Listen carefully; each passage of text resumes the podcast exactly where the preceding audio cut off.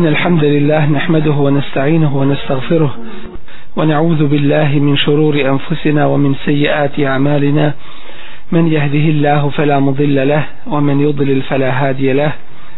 وأشهد أن لا إله إلا الله وحده لا شريك له. وأشهد أن محمدا عبده ورسوله. أرسله الله بالحق بشيرا ونذيرا بين يدي الساعة. من يطع الله ورسوله فقد رشد. ومن يعص الله ورسوله فلا يضر إلا نفسه ولا يضر الله شيئا. أما بعد فإن أصدق الحديث كتاب الله وخير الهدي هدي محمد صلى الله عليه وسلم وشر الأمور محدثاتها وكل محدثة بدعة وكل بدعة ضلالة. ثم أما بعد nastavljajući sinoćno, sinoćno kazivanje o načinima o načinima borbe ideološke borbe protiv ove vjere. Šala nastojat ćemo da se završi da se završi govor o ovoj temi. Zapravo ovaj početi govor a ne možemo završiti do kraja iako je noćas termin za tefsir ali ovo je pokušaj da se objedini ova tema šala kako bismo eh, mogli preći na druge. Kad kažemo da obradimo znači međusobno i zajedno jer mnoga pitanja o kojima se govori vi ste svjesni toga e, šta se radi i vidite oko sebe šta se dešava tako da je ovo jedno napominjanje posticanja i vi ćete učestvovati inša Allah u ovome. Spomenuli smo da je najveći vid e, te ideološke borbe protiv muslimana upravo pokušaj i nastojanje da se ovlada ljudskim umovima, u ovom slučaju kod muslimana, tako da se shvata da je sve ono što dolazi od tih koji koji na jedan organizovan način rade i djeluju na tom ideološkom planu jednostavno da sve što od njih dolazi je to pozitivno, da je to dobro i da to treba prihvatiti da je to napredno. Rekli smo isto tako da mnogi koji borave u zemljama gdje muslimani nemaju uticaja ili gdje preuzimaju uticaj od drugih kad se vrate u svoje sredine nose te ideje nose, nose jednostavno to shvatanje da je on napredan a onaj narod kog je on u osnovi potekao u kome je odrastao da je to nazadno. I jednostavno to je jedan od vidova te ideološke borbe. Zatim smo spomenuli da se kroz jezike, kroz učenje stranih jezika šire druge ideologije, ideje, shvatanja i tako dalje. Rekli smo da nema smetnje, zapravo treba čovjek da poznaje na jezik naroda sa kojim radi, e, sa kojim dolazi u kontakt i tako dalje, ali ne da mu jezik bude e, način da se njime ponosi tim jezikom jer će se ponositi i onim na čemu je taj narod već da mu to bude način i cilj za način i sredstvo za njegov cilj a cilj je izmet to je služenje Allahu i tebareke wa ta'ala vjer. Da možeš dostaviti drugima Allahovu vjeru da možeš se sačuvati tuđeg zla i tako dalje i tako da mnoge su koristi od učenja stranih jezika ali ne da bude ti cilj učenja stranog jezika da bi se njime ponosio da bi preuzeo to te njihove ideje i tako dalje.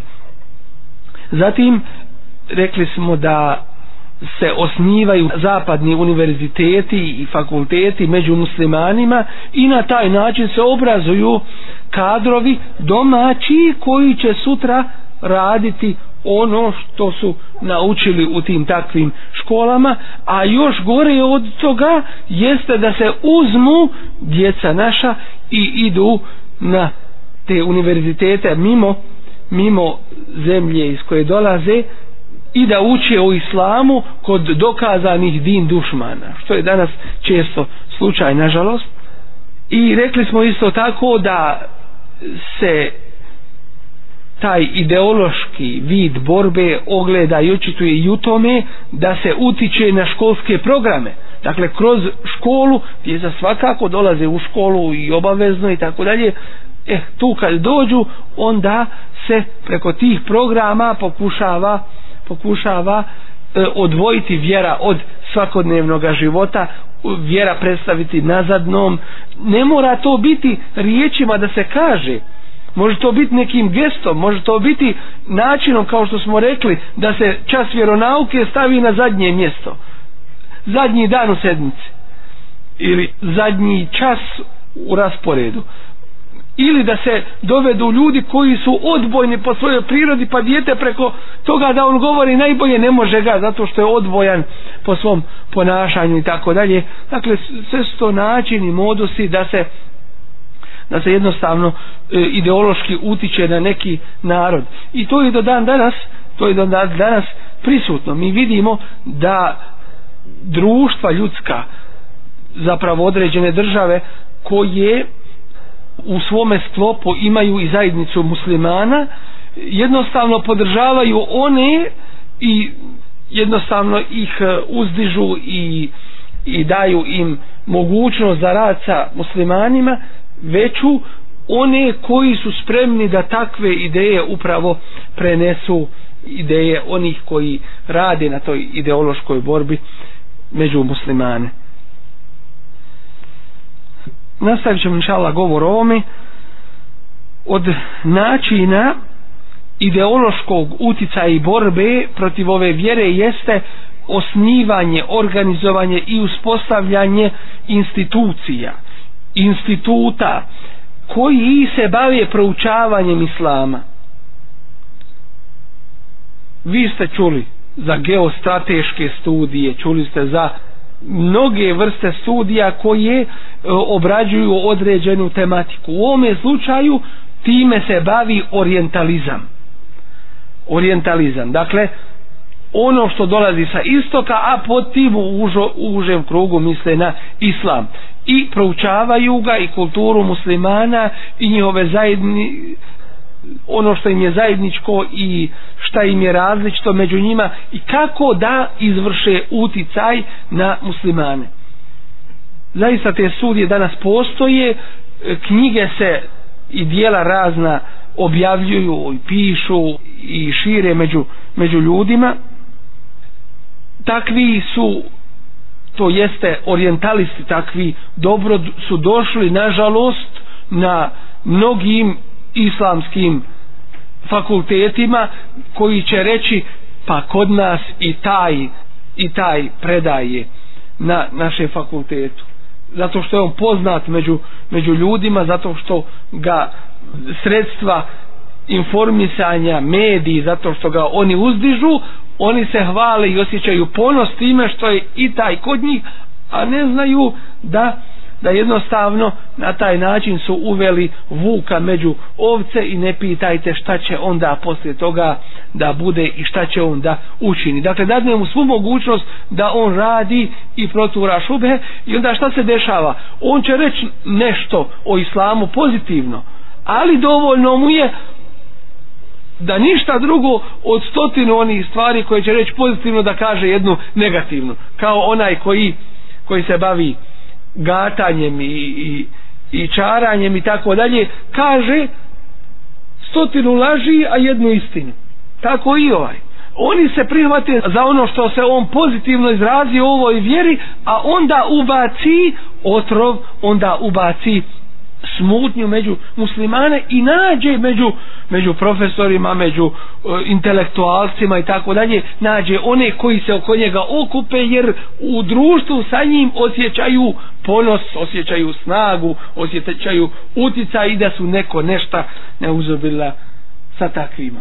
Zaista je to jedan veliki zaista je to jedan veliki musibet koji se danas dešava među muslimanima isto tako ono što rade jeste da pišu knjige.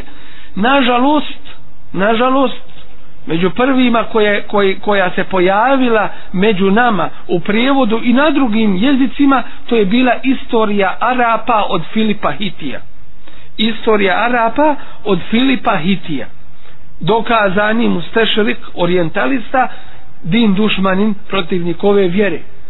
Gdje je mogao i šta je mogao?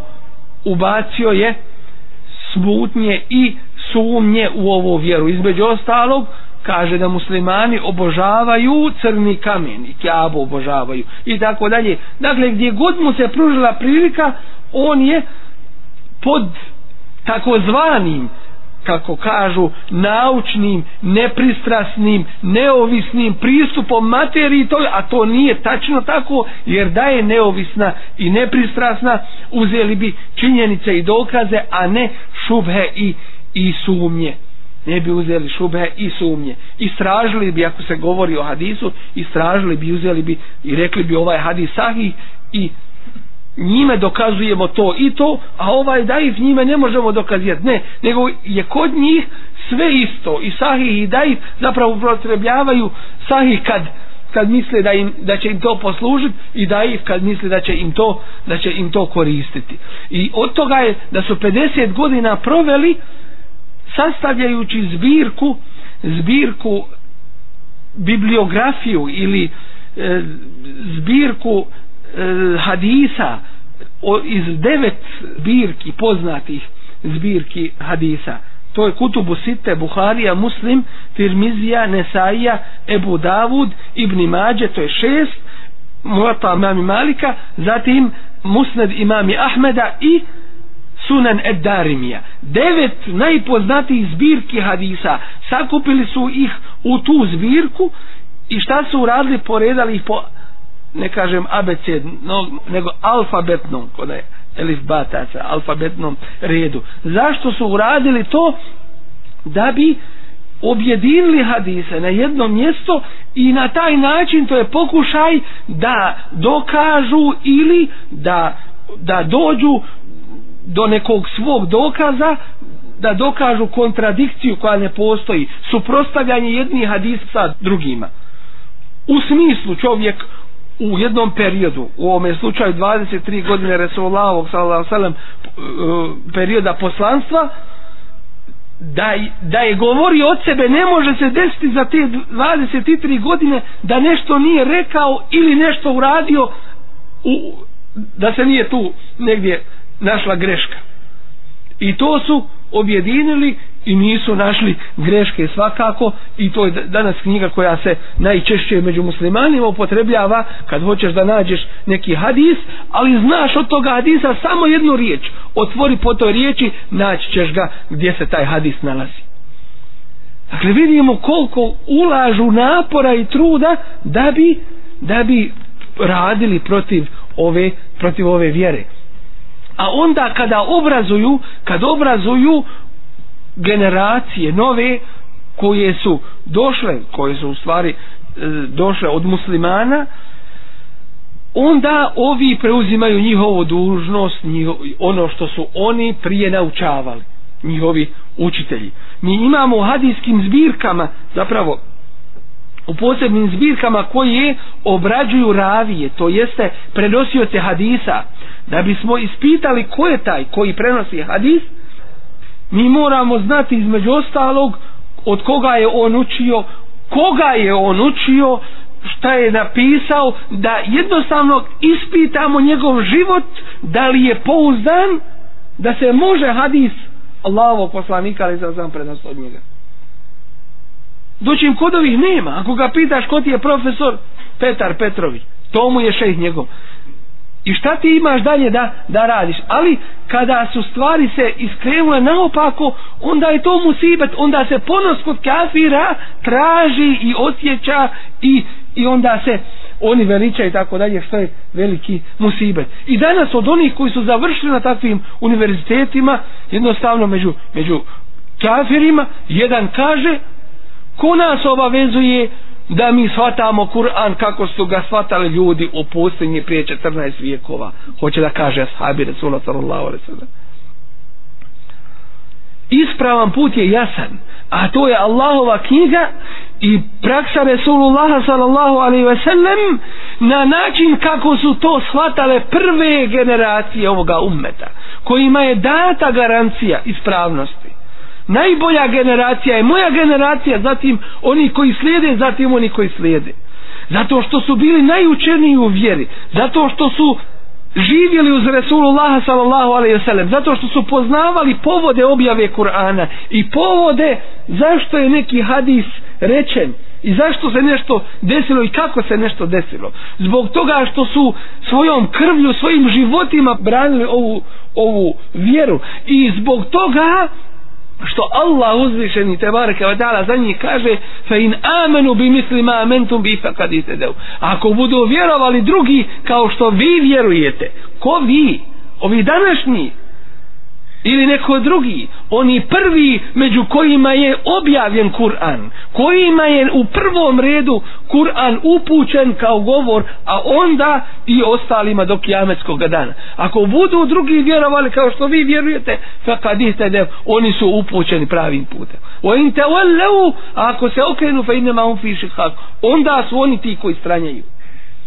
Ali kad ti uspije to ubaciti to jeste drži se ti samo Kur'ana pa će prvo ne, nije ti obavezno zapravo ne trebaš da ti shvataš Kur'an i hadis prema prema onome kako su onda shvata. Hoće da kaže u pustinji. Što spominje pustinju? Hoće da kaže negdje gdje nisu imali prilike ni učiti hoće da kaže neznalicama da kaže pustinjacima zaostalim svijetu prije 14 vijekova to znači hoće da kaže to za ostalom svijetu drugo u pustinji nije imao načina da se obrazuje dovoljno vam je to dakle ne treba od njih prihvatati da dajemo mogućnost da se poigrava sa Koranom i sunnetom kad dođe do sunneta kaže a u sunnetu imate koliko tih hadisa? Koji su daif, koji neprovjereni, ne možemo mi to znati, držite se vi samo Kur'ana, a onda dođe kod Kur'ana i onda mijenja njegova značenja, ne uzubila. Kao što su rekli isto tako. Kažu prvo vrijeme nije vokalizovan Kur'an, pa kako god ti danas možeš da ga proučiš bez onih vokala, to je ispravno. I tako su, kaže, nastali kirajeti razni. Kirajeti, to su mutevatir kirajeti, koje Allah uzvišen i objavio preko Meleka Džibrila. Sedam vrsta načina učenja Kur'ana, kao olakšica ljudima. Hoće da kažu, to je slučajno nastupilo.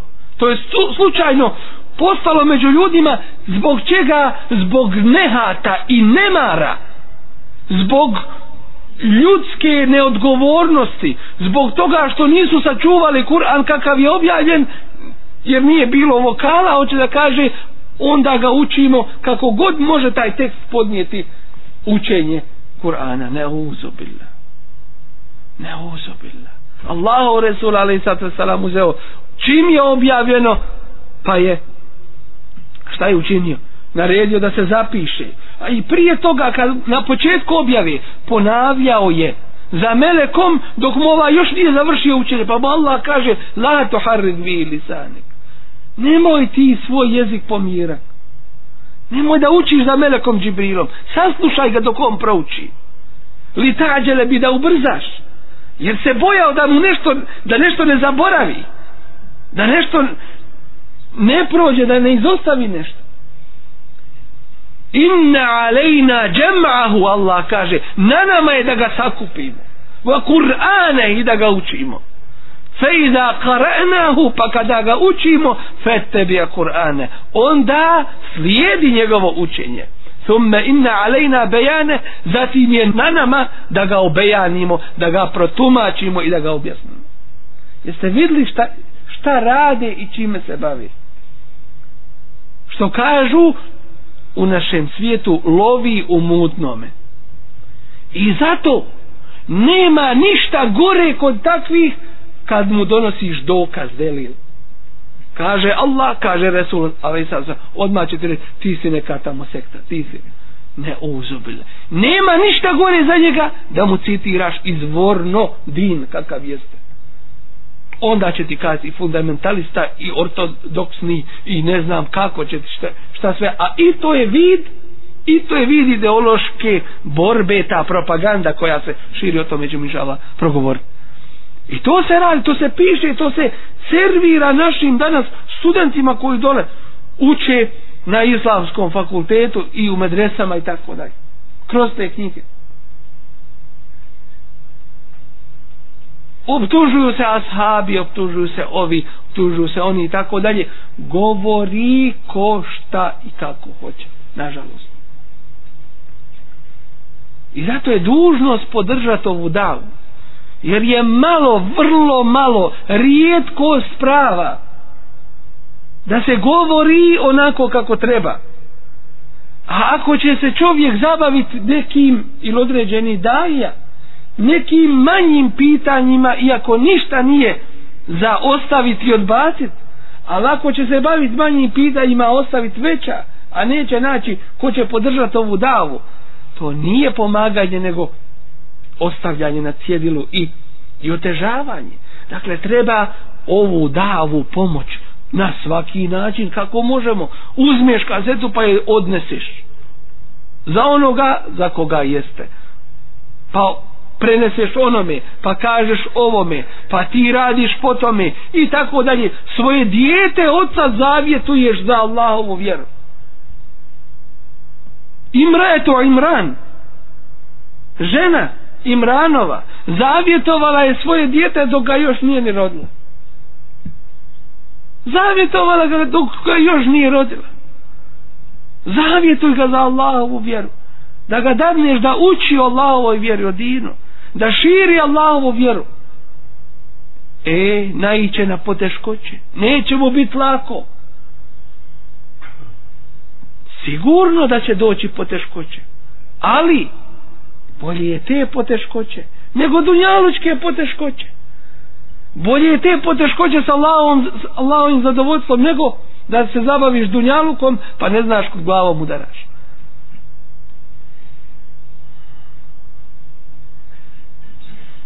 Jedan od njih kaže koji je završio na takvim i pred takvima na takvim univerzitetima kod orientalista i, i koji je od njih uzimao kaže da je da je neuzubila kaže Allahu poslanik danas živo on bi uzimao farmerice od Versačija ne uzubila dokle ide ta, ta džur'e?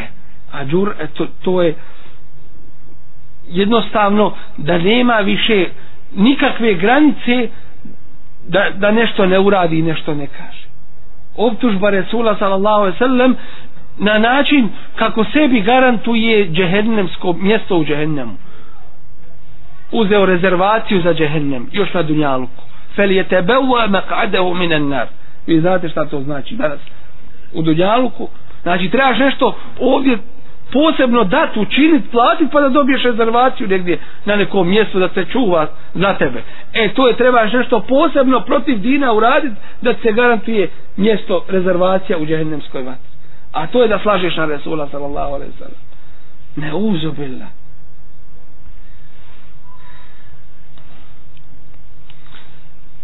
zatim mediji koje smo spomenuli. Preko propagande koja se širi koja se širi među među ljudima. Jednostavno među ljudima se određuju i ljudi određuju stranke i dijele se na frakcije što je uradio faraon وَجَعَلَ أَهْلَهَا شِيَعَ i podijelio je narod na razne grupacije jestad'ifu ta'ifatan minhum jedne je tlačio a druge je sebi privlačio to jeste one koji su mu koristili oni su bili bliski njemu i oni su nešto od dunjaluka toga dobili a oni koji su mu se suprostavljali njih je jednostavno njih protiv njih je radio tako se danas radi jednostavno se kaže sloboda je vjere, sloboda je vjerovanja i tako dalje. A onda sredstva informisanja, onda kroz medije i tako dalje servira se i kaže a imaju ti koji su ovakvi, koji su onakvi. Drugim riječima stvara se ja, mišljenje u javnom mjenju kako ga nazivaju. I ništa ti ne, neće ti niko uraditi praktično u tome mjestu od strane vlasti ali narod je pripremljen da ti kad ideš gledaju te pove a ah, ovo je onaj što smo ga gledali neku noć isti je ko onaj tamo što, što su ga ili što je ovako ili što je onako i tako dalje. Dakle pripremi se to jednostavno i vi ste vidjeli u zadnjih nekoliko godina kako se to odjednom promijeni. Jeste vidjeli preko noći? Pa ti više nisi siguran kamo li tva žena nisi siguran na ulicu izaći. Kaže sloboda sve fino sve lijepo i kad ti ko glavu razbije kažu nismo mi to je slučajno neko se našao. A sve vi pripremili da to bude. Sve to tako namiste dakle to je velika opasnost. I to se u stvari radilo to su radili munafici posebno a i onda kafiri su radili ovaj protiv protiv muslimana. Ubacivali su razne spletke e, ubacivali su smutnje. Znate li onaj događaj koliko je zabavio muslimane? Događaj potvore Aisha radijallahu anha. Koliko je zabavio muslimane? Koliko je zadao brige muslimanima i tako dalje. Jednostavno ta propaganda koja nema svoje osnove. Pa onda mušrici zapravo jedna delegacija židova ide mušicima u Meku i ovi ih pitaju koje bolje vjere a on, oni im odgovaraju tim mušicima tim idolopoklonicima kažu vi ste bolje vjere nego oni muslimani. Isto ko što danas vidimo. Kažu nama je najveća šteta nanešena.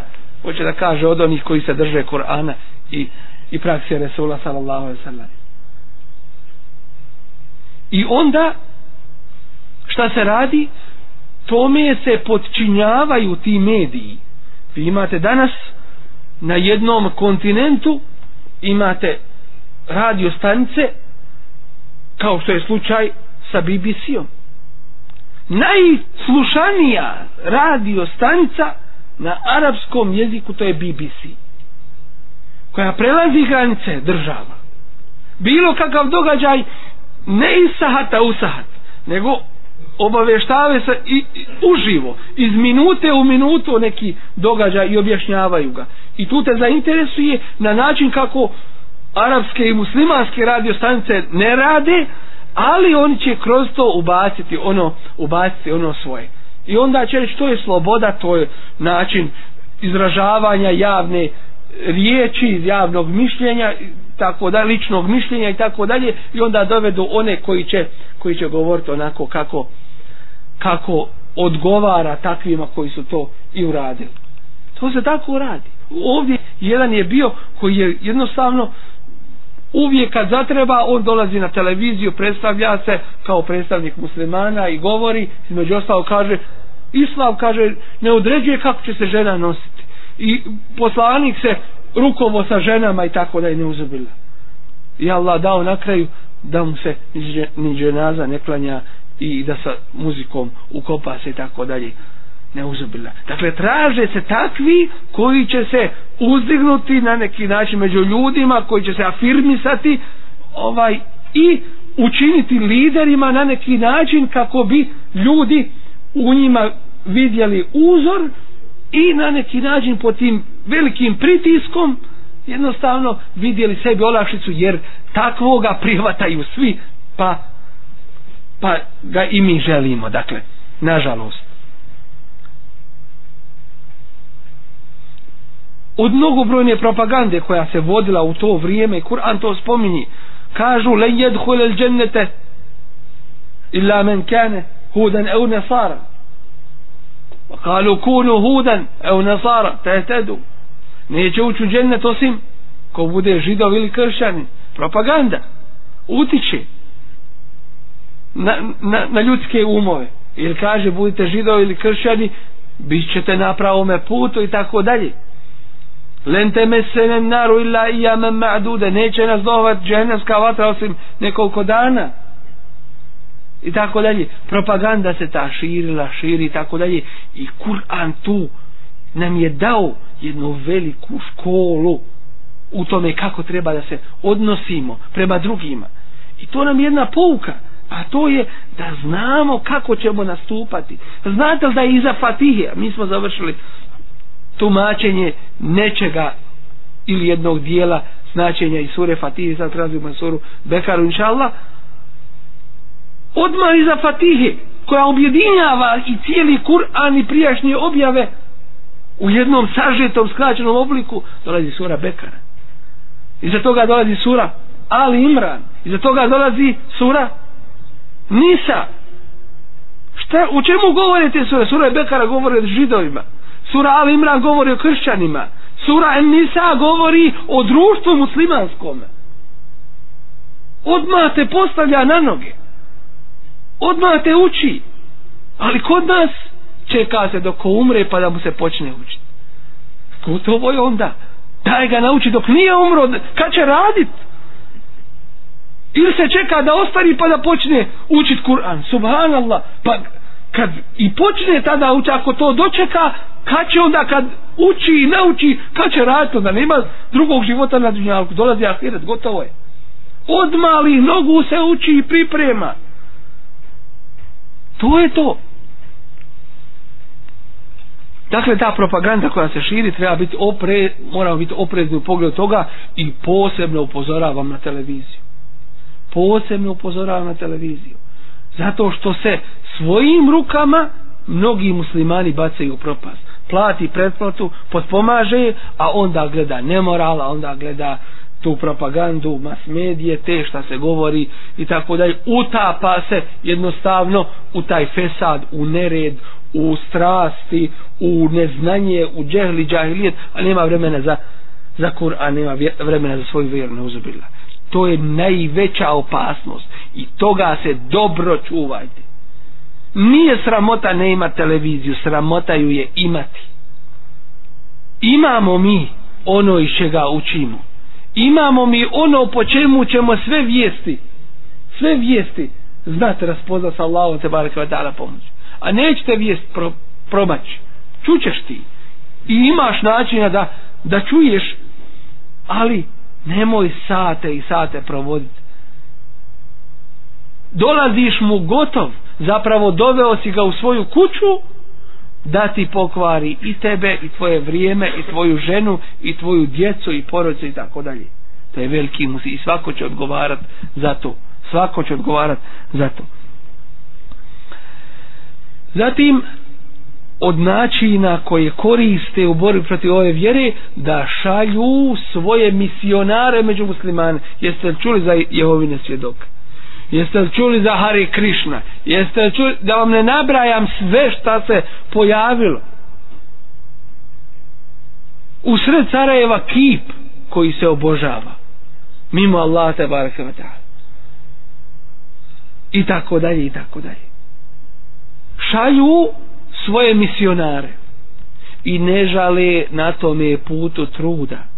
Vidjet ćete ih da idu u najzaostalija sela i mjesta u Africi gdje nema ni puta ni, ni, struje ni vode kako treba i oni se žrtvuju i neki umru na tome šeitanskom putu i tako dalje ali on radi za svoju ideju da je najbolja ideja najbolja vjera ko što je naša alhamdulillah i ne sumnjamo u to. Ali ako ne nađe one koji će ponijeti i koji će je širiti i koji će braniti od napada sam Kur'an ne ide.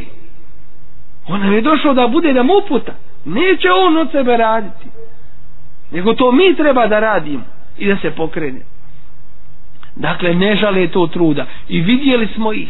Dolaze i kucaju da vrata muslimanskih kuća i sa osmijehom dijele svoju literaturu i one slike raznih privlačnih boja i tako dalje. I vi vidite na tim slikama arapska nošnja i sve.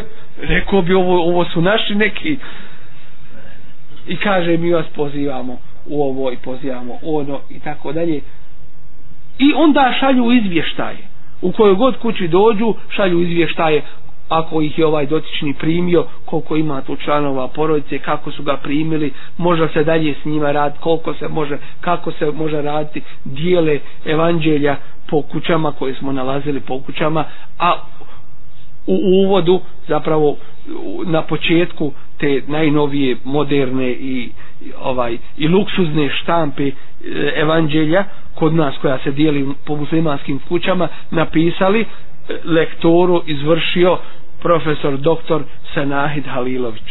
Stavili muslimansko ime da bi rekli evo vidite kako da ovaj vidite musliman stoji za toga i tako dalje tako se radi tako se radi. Ili će ti do, dovesti nekoga ko će reći eh ja sam moje ime tako ali ja se sad ovako zovem ja sam prešao u ovu drugu vjeru ja sam ovako ja sam onako i tako dalje. I jednostavno imaju centre koji ih pomažu stoje na autobuskim stanicama dijele svoju propagandu literaturu i tako dalje. I ako si nemaran u najmanju ruku nemaran i ostaviš to po strani doće dijete vidjet će evo zabilja to, to će mu ta slika ostati toga prihvatanja i tako dalje. Vrlo, vrlo opasno i toga se moramo dobro pričuvati. Allah te varaka ta'ala kaže yuridune yuriduna li utfi u nur Allahi bi afahim hoće Allahovo svjetlo to jeste svjetlo Allahove te baraka ta'ala vjere da utrnu svojim ustima Wallahu mutimmu nuri Allahu potpunjuje svoje svjetlo. Daje da se još više širi njegova vjera walau kerihel kafirun makar to bilo krivo i mrsko kafirima nevjernicima. Od vrsta propagande ovo najnovije što smo čuli kažu i onaj ko nije musliman i on je vjernik. I oni su vjernici sve su to vjernici sve to. Ne znate vi tumačit Kur'an kaže ne uzabila da Allah sačuva i zakloni. Svakako da s vremena na vrijeme oni imaju svoje e, kongrese e, na kojima se preispituju koliko su koliko su uspjeli u tim svojim nastojanjima. Često se koristi humanitarna pomoć zvala se ona crveni krst ili crveni križ ili, ili karitas ili ovako ili onako za širenje kršćanstva ili drugih ideologija i ideja među, među muslimanima. Dakle kad je on u potrebi onda se onda se to to pruža i onda se onda se uslovljava. U najmanju ruku ako neće privoliti muslimane ili ih navesti da uđu u njihovu vjeru ideologiju ili nevjeru onda u najmanju ruku zadovoljit će se time da musliman ostavi svoju vjeru. To, to im je veliki kod njih uspjeh i, i napredak. Jednostavno da bude musliman indiferentan. Ne tiče ga se toliko vjera zapravo da gleda na to na vjeru kao jedan neobavezni dio kulture ako hoće ako neće i ne mora ponekad da ode nema smetnje i tako dalje. I to se e, posebno širi u krugovima masona. Vi ste čuli za masone to su posebne lože. E, onih koji ne moraju biti židovi ali E, rade na tome približavanju kako kažu kultura. Dakle i e, da, da bi se otupila oštrica islama da bi jednostavno vidjeli su da ga ne mogu iskorijeniti ali da bi ga preformulisali obradili u jednoj drugoj i drugačijoj formi kako ne bi bio za njih i podruga savremena kako kažu društva opasan i da bi bili sigurni u pogledu njega. I onda u takve lože ulaze oni koji nisu upoznati sa svojom vjerom i koji jednostavno koji olako koji olako e, drže do vjere nego su im i položaj i sredstva i, i nešto drugo važnije od toga a neki će zbog svoga neznanja to učiniti pa će reći pa ovo mi je prilika da dođem na položaj kad dođem na položaj onda ću ja moć više koristiti muslimanima nego nego što sam sada i tako dalje. Doći im samo da je to šeitanska vesvesa i zavaravanje. Vidjeli smo takve da nakon što su tolike žrtve učinili da dođu na položaj onda još više će učiniti da ga očuvaju i da ga zaštite i oni postaju cilj u stvari sami za sebe dakle čuva se dobro toga e, danas kod nas ono što je prošireno to je Soroševa fondacija koja jednostavno uzima najbolje studente, one inteligentne, talentovane, nadarene da Allah te ta'ala sposobne da ih financira, da ih obrazuje i nakon toga da, da oni završavaju onaj posao koji se želi uraditi od načina koji, koji oni ako imaju ikakav način on, i nove načine sve izmišljaju oni ga neće ostaviti Allah te baraka wa ta'ala kaže ولا يزالون يقاتلونكم حتى يردوكم عن دينكم إن استطاعوا ne prestanu će se oni boriti protiv vas dok vas ne odvrate od vaše vjere ako i kako mogu i nista tao dakle to će neprestano biti i novi način će se iznalaziti se bore protiv lave te barke dala vjeri vrlo važan i opasan jedan način na koji se to radi jeste pozivanje u fesad u nered u nemoral među društvom. Kroz pozive u oslobađanje žene. Čuli ste za to? Emancipacija kažu. Dakle da se oslobodi. Čega da se oslobodi? Svoga čovjeka. Allah ga je uspostavio da, da je vodi i nadzire i, i predvodi. Koga da se oslobodi? Allahove ne tabaraka wa ta'ala vjere ne uzubila čega da se oslobodi? Hijaba, pokrivanja da se razgoliči. Čega da se oslobodi? Obaveze prema djeci i odgoju djece. Čega da se oslobodi? Porodice u kojoj ima svoju ulogu a samim tim i u društvu i u umetu ovome to se hoće. Hoće da se odvoji kao što se odvoji usamljena ovca iz stada pa onda vukovi na nju napadnu. I šta će onda od nje ostati? Jumenihim ali šta rade i kako rade? Je'iduhum va jumenihim obećaju obećavaju im i jumenihim i daju im lažne nade. Ti si zatočena u kući.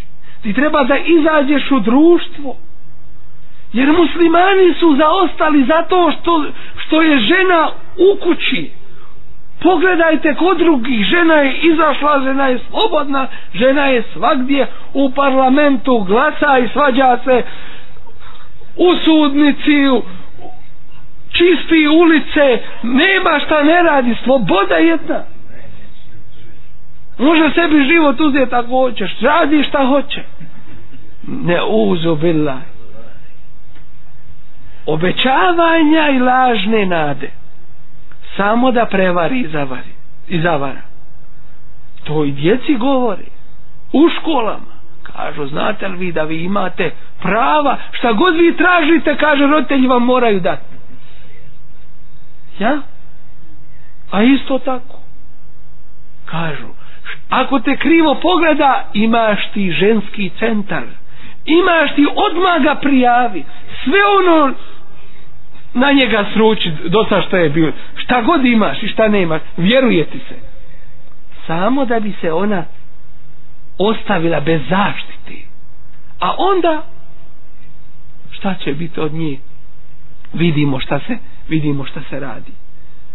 Nastojanje da se iskvari. Ako iskvari ženu iskvario si čovjeka iskvario si i djecu iskvario si porodicu društvo cijelo si iskvario i prva fitna smutnja i iskušenje koje je bilo kod Benu Israila bilo je u ženama upravo. I sad se radi po tome sistemu. Sad se radi po tome sistemu. I šta nam je pa vidimo neke? Jedva čeka da žena njegove poslove završava idi ti ženo pa položi vozački. A kad položi vozački onda će ići u kupovinu u trgovinu u poslove u plaćanje u naplaćivanje i tako dalje i tako dalje. Da se što više da on ima vremena da radi da bi šta? Da bi što više ulaza imalo i sredstava koja će se dobiti a što u tome nema bereketa to je sad druga akida to je sad druga vjera i vjerovanje. To, to vjerovanje se naziva materialističko vjerovanje. Gleda sve kroz dinar kroz paru sve gleda to mu je sistem vrijednosti. Da dođe mumin koji bi sve za Allaha dao on pita maš ti posao? Maš ti stan? Imaš li ovo? Sto pitanja a da dođe neko koji ima firmu ja klanja, ja ne klanja, ja šara, ja kako, ali on je dobro stojeći, onda će njemu naći sto opravdanja i razloga da ga oženi, ako ne klanja, sad klanja će nekad možda. Tako da ima on, ima on sredstva, ne uzem. I potom je ga cijeni i vrijedni. Da Allah sačuva. Dakle, jednostavno želi se kroz uticaj na ženu da se nered uspostavi u cjelokupnome društvu, da se izgubi stid i onda ne pitaj poslije stida, gubljenje stida, šta će kasnije da nastupi.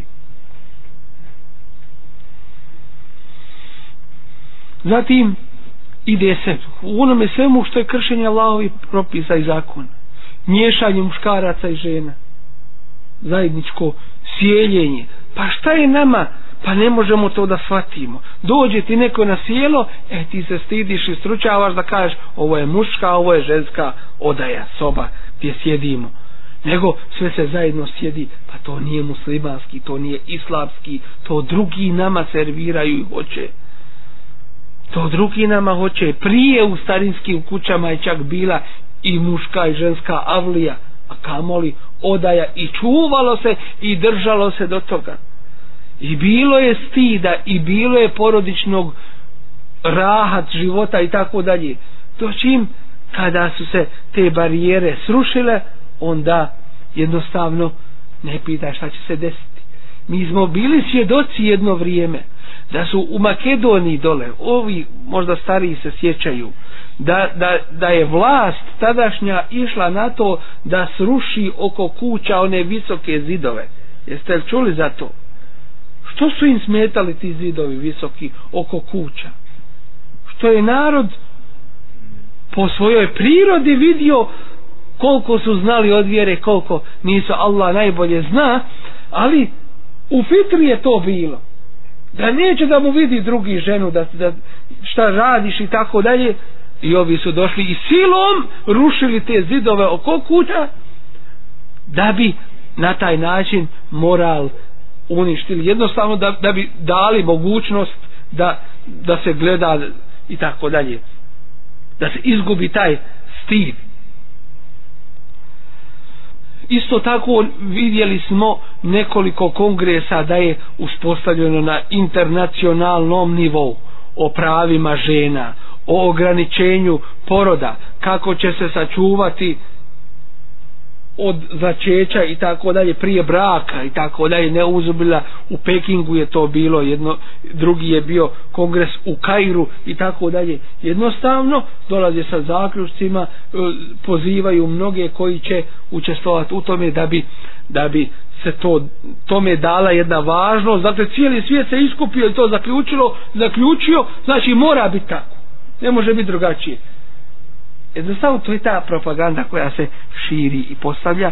I drugo ono što stalno naglašavaju hoće da kažu jeste kao navodno da je žena muslimanka potlačena da su joj oduzeta prava da je učinjena nepravda. I vi ćete vidjeti koju vide žena da je pokrivena ako razgovaraju s njom idu odmah na to čovjek je prisilio mora od svojih roditelja to tako i, i tako dalje. Ne brane da se da se djevojka pokrije ali ne u osnovnoj školi nego kad ona odraste kad bude samostalna mogne odlučivati punoljetna onda nek se opredijeli. A do tada mi ćemo je učiti da se ne opredijeli za to. Mi ćemo je pripremiti da, da se ne opredijeli za to. Resulullah ali sad sam od sedme godine ih učite. Namazu a po namazu se sve ostalo mjeri. I taharet i čednost i pokrivanje. Učiš ga polako od desete godine onda svakako. Znači čekaj 15. godinu. Pa onda ako hoće ako neće. A sve učinio da neće. To su ti jednostavno takve radnje koje pokušavaju da stanu na putu ove sahve širenja Allahove te bareke ta'ala. Vjere koja je sa Allahovom pomoći nezaustavljiva i zato je nužno i potrebno da se poznaje ova vjera i njeni propisi. Mi bismo dosta toga mogli još da kažemo o načinima i sredstvima na koja koja upotrebljavaju din dušmani protiv ove vjere u tom ideološkom planu. U, i ovo je inša Allah dovoljno kao jedna opomena, napomena i upozorenje mi danas vidimo da među muslimanskim društvima zapravo ondje gdje su muslimani većina vidimo konkretno u Sarajevu ja sam primijetio otvaraju se otvaraju se škole koje pripadaju određenim zajednicama koje nisu muslimanske jednostavno katoličke škole u muslimanskim mahalama se otvaraju. Djeca počinju govoriti hrvatskim jezikom tjedan neće kazati hefta. Pa onda tisuća. Pa ne, mijenja jezik pa mu uvedu informatiku kompjutere pa onda malo pomalo malo pomalo čim uđete u, u dvorište to te velike škole odmah vidite krst da je tu na mjestima koja su koja se ističu koja su vidljiva i tako dalje otvaraju se škole pozivaju se naša djeca da uče u njima olakšava im se učenje i tako dalje. Dakle to je veliki jedan musivet koji, koji vidimo. Isto tako radio stanica Sveti Jovan. Sred Bosne. Sveti Jovan.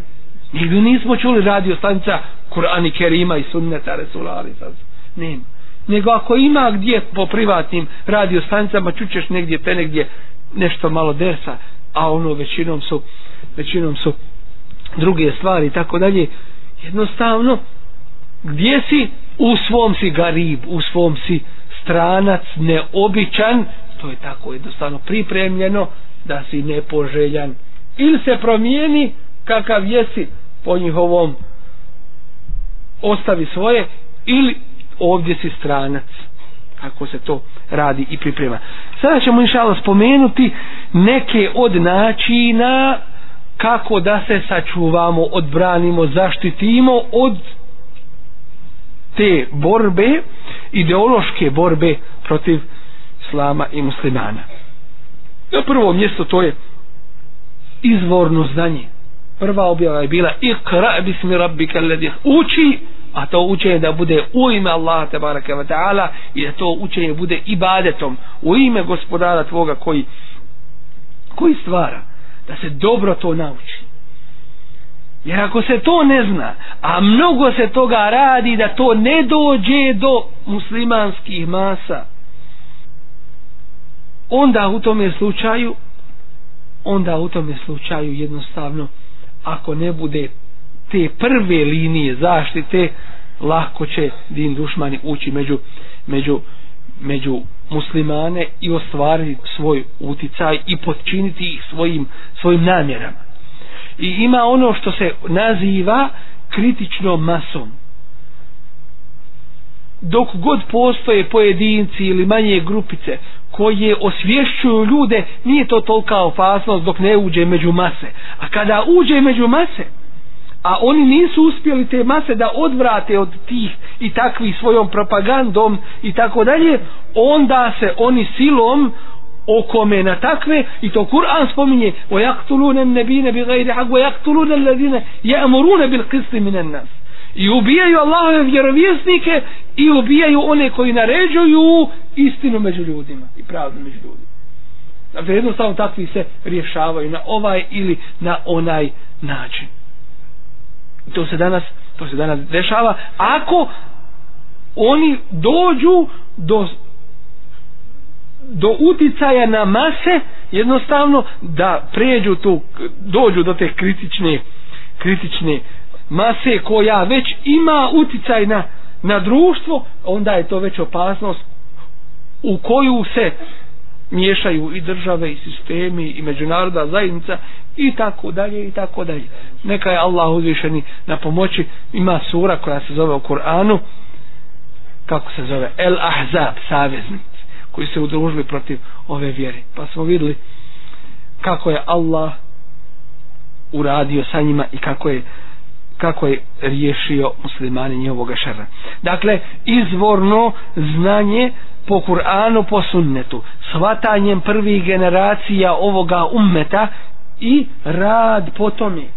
I rad po tome. Zatim da'wa, prenošenje na druge, osvješćavanje ljudi, upozoravanje i tako dalje na spletke koje se čine i šta se radi sve muslimanima. Kad imamo ovoliko ovih tema o čemu možemo progovoriti, o svakoj ovoj tačci možemo progovoriti, govoriti, govoriti. Nema potrebe da sate provodimo govoreći o vrstama kola, mobilnih telefona i, i ne znam kakvi se stvari. Zatim, zajedničko podpomaganje i džematski rad, udruženi rad džematski. Zaista, ova vjera traži pomagače. Allah je kadar da je pomogne sam, ali hoće ljude da ispita i da ljudi prema tome zarade ili dobro ili zlo. U tome smislu potrebno je žrtvovanje na Allahovom te baraka wa putu. put. Odakle onolike džamije, svaka mahala kod nas imala džamiju. Odakle? Nije bilo humanitarnih pomoći, nije do, dolazilo negdje sa strane, nego ljudi od sebe davali. Vjerovali u sevab. Vjerovali u ahire da će biti nagrada i kazna i pripremali se za to. Gradili džamije. Koliko je prije trebalo da se utroži da se ovdje nađe. Danas je to puno, puno lakše i olakšano. Prije su ljudi davali cijela imanja, njive prodavali da ima jedan Kur'an. Napisan, rukom se pisali, prepisivali Kur'ani. Danas svaka kuća nekoliko ih ima. I hoćeš prevod ovaj, hoćeš onaj prevod. Ali stoji ne uči se. Nažalost, musibet jedan. Mora se ulagat za ovu i ovu vjeru. Kako? Kažemo nemamo škola, nemamo svojih obdaništa, ne imamo ovoga, ne imamo... A odakle čekam? I šta čekam? Kada bi se jedna plata odvojila, da ne kažem više, ili jedan dio za takve projekte, škola, obdaništa, mi imamo problema danas da pošaljemo studenta koji mora doći ovdje preko ljeta radit i nešto zaraditi da ode da studira prvo jezik da nauči pa onda da uči da studira i tako dalje. Nema fondova za finansiranje sutra daja ja uleme koji će se vrat koji će učiti tvoju djecu i tvoju unučad i ženu tvoju i tebe i ostale. To traži zahtijeva din dušmani su znali šta će uraditi. I prvo kada su došli na vlast i osirili se prvo šta su uradili? Ukinuli su vakuf prvo što su uradili ukinuli se vakuf i onda jednostavno učinili davu da je bez podrške. Svaka džamija imala uza se vakuf imala stan imamski imu jezinski i imala onoga mutevelliju. Šta je mutevellija? To je čovjek koji je opunomoćen. Opunomoćenik da nadzire vakuf u današnjem smislu ko što ima u kućama kuće pazitelj i tako daje neko ko pazi to i nadzire to je bilo u pogledu vakufa uzeli su i oduzeli to ali nije se čudi to nima koji su oduzimali nego ovima koji, koji ne vraćaju i koji imaju priliku, imali su priliku da vrate, nego drugi vratiše svoje zadužbine, a naši vakufi ostadoše pod izgovorom, ne dirajte u to, to je veliki problem. I je veliki problem. Koji je na leđima muslimana. i koliko vakufske zemlje i koliko stanova i dućana to drugi koriste to je jedan musibet koji se, koji se desio dakle zajednički rad, džematski rad, udruženi rad, žrtvovanje na tome putu i tako dalje. Zatim, obrazovanje i pripremanje uleme, daija, učenjaka, onih koji će se obrazovati u raznovrsnim islamskim granama i doći ljude i obrazovati i učiti. Slati ih na studije i tako dalje. Obratiti pažnju na arapski jezik. Dati mu dužno poštivanje i pažnju to jeste nastojati da svaka muslimanska kuća u perspektivi u budućnosti inša Allah govori među sobom arapskim jezikom kao svojim maternim jezikom. Reći će nam ko ovo čuje i vidi od onih koji ovo ne vole e to je velika opasnost. Vidi šta oni hoće. Jer su to već govorili. Hoće da arapsku kulturu arapsku vjeru ili svatanje islama ubace među naš narod, to je prava opasnost. I moramo ih što prije liferovati, moramo ih poslati da dalje ne izvrše uticaj među, među te ljude. Jer će toliko izvršiti uticaj da kasnije nećemo moći vladat situacijom i izmaće nam iz ruke. Odoši. Osnivanje islamskih škola, institucija, zatim organizovanje intenzivnih šerijatskih seminara na kojima će se govoriti intenzivno. Odredit ćemo heftu dana, deset dana intenzivno da govorimo o islamskom odgoju i obrazovanju. Jer moramo shvatiti većina ovih stvari nismo naučeni na njih jer nismo bili u takvome društvu. I kad saznamo i znamo i prihvatimo to, treba vremena dok se počne po tome raditi. Jer teorija je jedna praksa, treba ti vremena dok to sprovedeš u praksu. I zato sa sahabi deset ajta kad bude objavljeno, odma učili i odma u praksi sprovodili. To je bila prednost toga. To je prednost bila toga takvog načina učenja i obrazovanja. Zatim, pridavanje pažnje pitanjima muslimana. Pridavanje pažnje pitanjima muslimana. Šta se dešava muslimanima? Kako kod nas tako i tako i u svijetu. I da znamo šerijatski stav i šerijatsku podlogu u pogledu tih u pogledu tih događaja. Zatim objasniti kako islam gleda na to i kako daje rješenje u pogledu u pogledu toga. Zatim da se klonimo i čuvamo sredstava ideološke borbe protiv islama. To jeste televizije, časopisa kroz koje se protura, to miješanja sa iskvarenim društvom, škola u kojima će djeca to poprimiti tako dalje. Zatim upozoravanje upozoravanje na one koji su predstavnici koji šire takav ideološki uticaj među, među muslimanima, negativan uticaj među muslimanima. Reč takvi, to su takvi koji fesad čine i šire među, među muslimanima. Objašnjava, dakle, to pitanje. Zatim, stvari šarijetske prirode staviti na svoje mjesto žena da zna svoju ulogu u društvu, svoju ulogu u, u kući, svoju ulogu u odgoju djece i tako dalje i tako dalje. Da ne mogu joj drugi ubaciti ono što nije ispravno i što je, što je strano. Zatim, da musliman bude ponosan svojom vjerom, da osjeća ponos i snagu islamom, a nikako ponos i snagu u nečemu mimo ove vjere. Jer ako osjeća snagu u nečem drugom, znači da, da vamo je slab u vjeri, ako je ikako u njoj.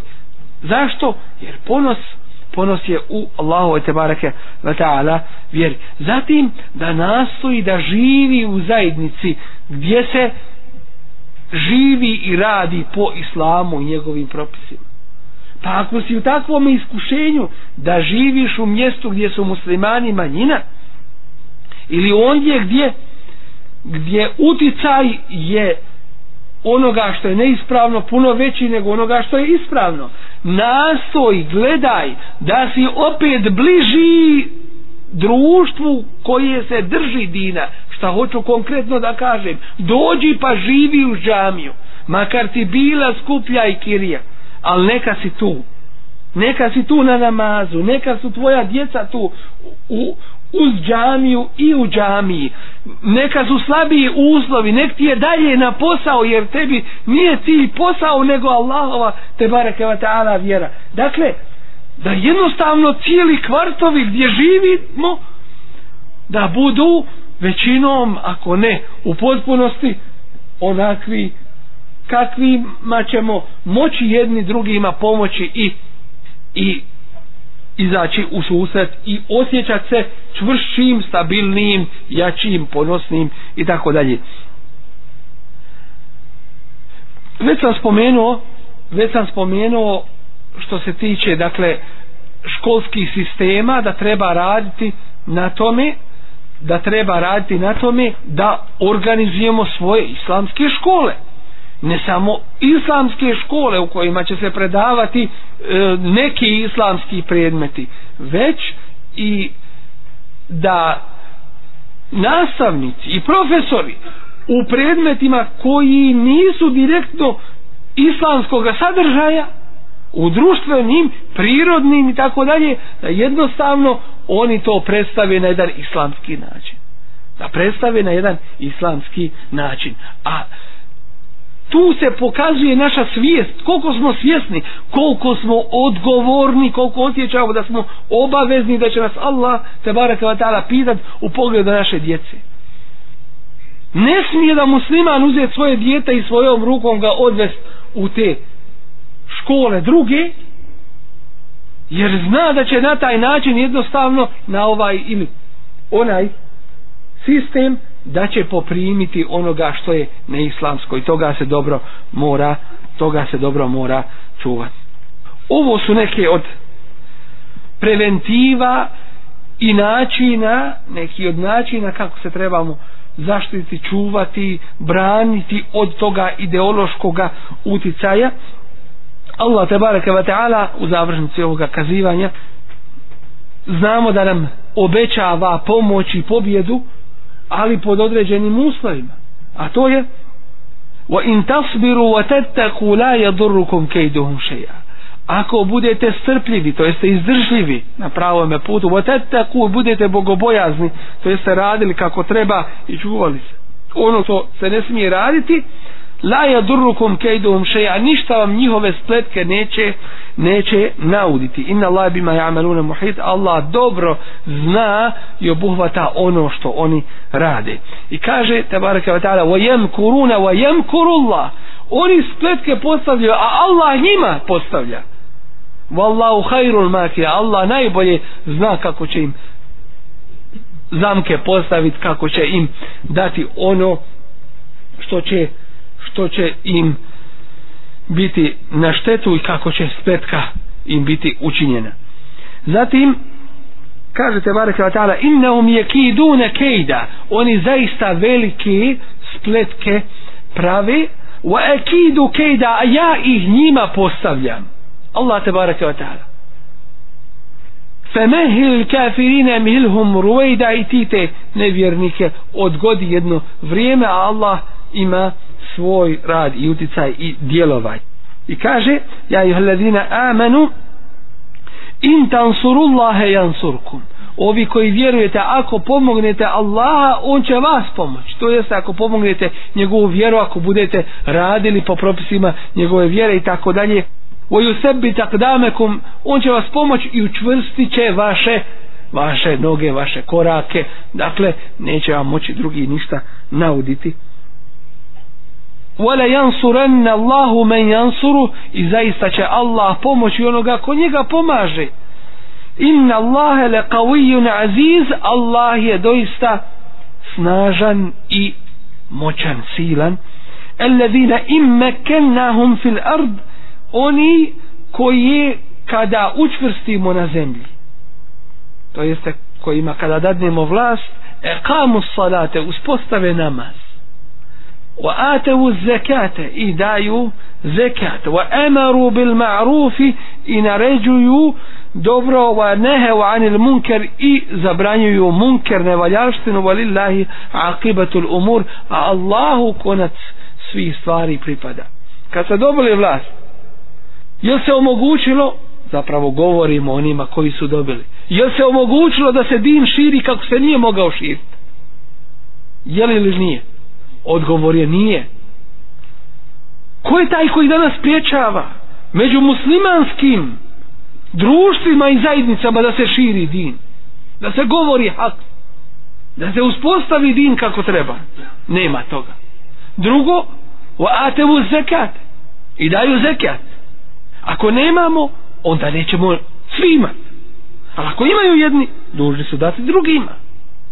Doći im izrazito fukare koji nemaju ništa i izrazito bogati preko rata i kroz rat.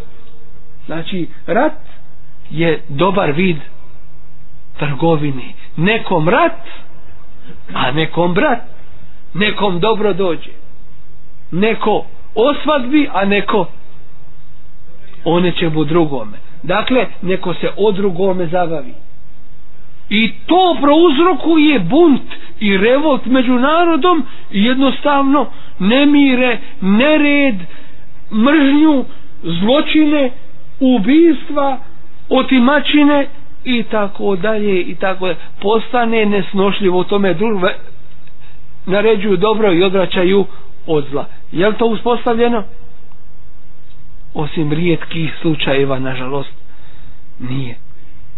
Molim Allah tabaraka wa ta'ala da nas učini od onih koji, koji uče proučavaju shvataju njegovu vjeru koji je pretaču u svakodnevni svoj život koji žive po njoj i za nju koji se međusobno podpomažu na putu Allahovog tabaraka wa ta'ala zadovoljstva. Molim Allah tabaraka wa ta'ala da osnaži mumine i pomogne svakog iskrenog vjernika protiv din dušmana da nas sačuva spletki i zla koje čine neprijatelji ove vjere i smjeraju da učine da im dadne da se o sebi zabave i da se te spletke njima vrate i da upadnu u jamu koju su drugima kopali. Molim Allah tabaraka wa ta'ala da nas učini od onih koji šire njegovu vjeru i predstavljaju je na najljepši način od onih koji pozivaju na dobro i odvraćaju od zla da one koji su potpali pod uticaj din dušmana bilo ideološki ili neki drugi da ih Allah te bareke ve ta'ala promijeni na bolje da ih uputi pravim putem i da ih učini da služe ovoj vjeri a ne da rade protiv nje ili ako u njima ne bude hajra da nas zaštiti njihovoga šerra i da ih udalji od nas. جزاكم الله خير. سبحانك اللهم وبحمدك أشهد أن لا إله إلا أنت أستغفرك وأتوب إليك.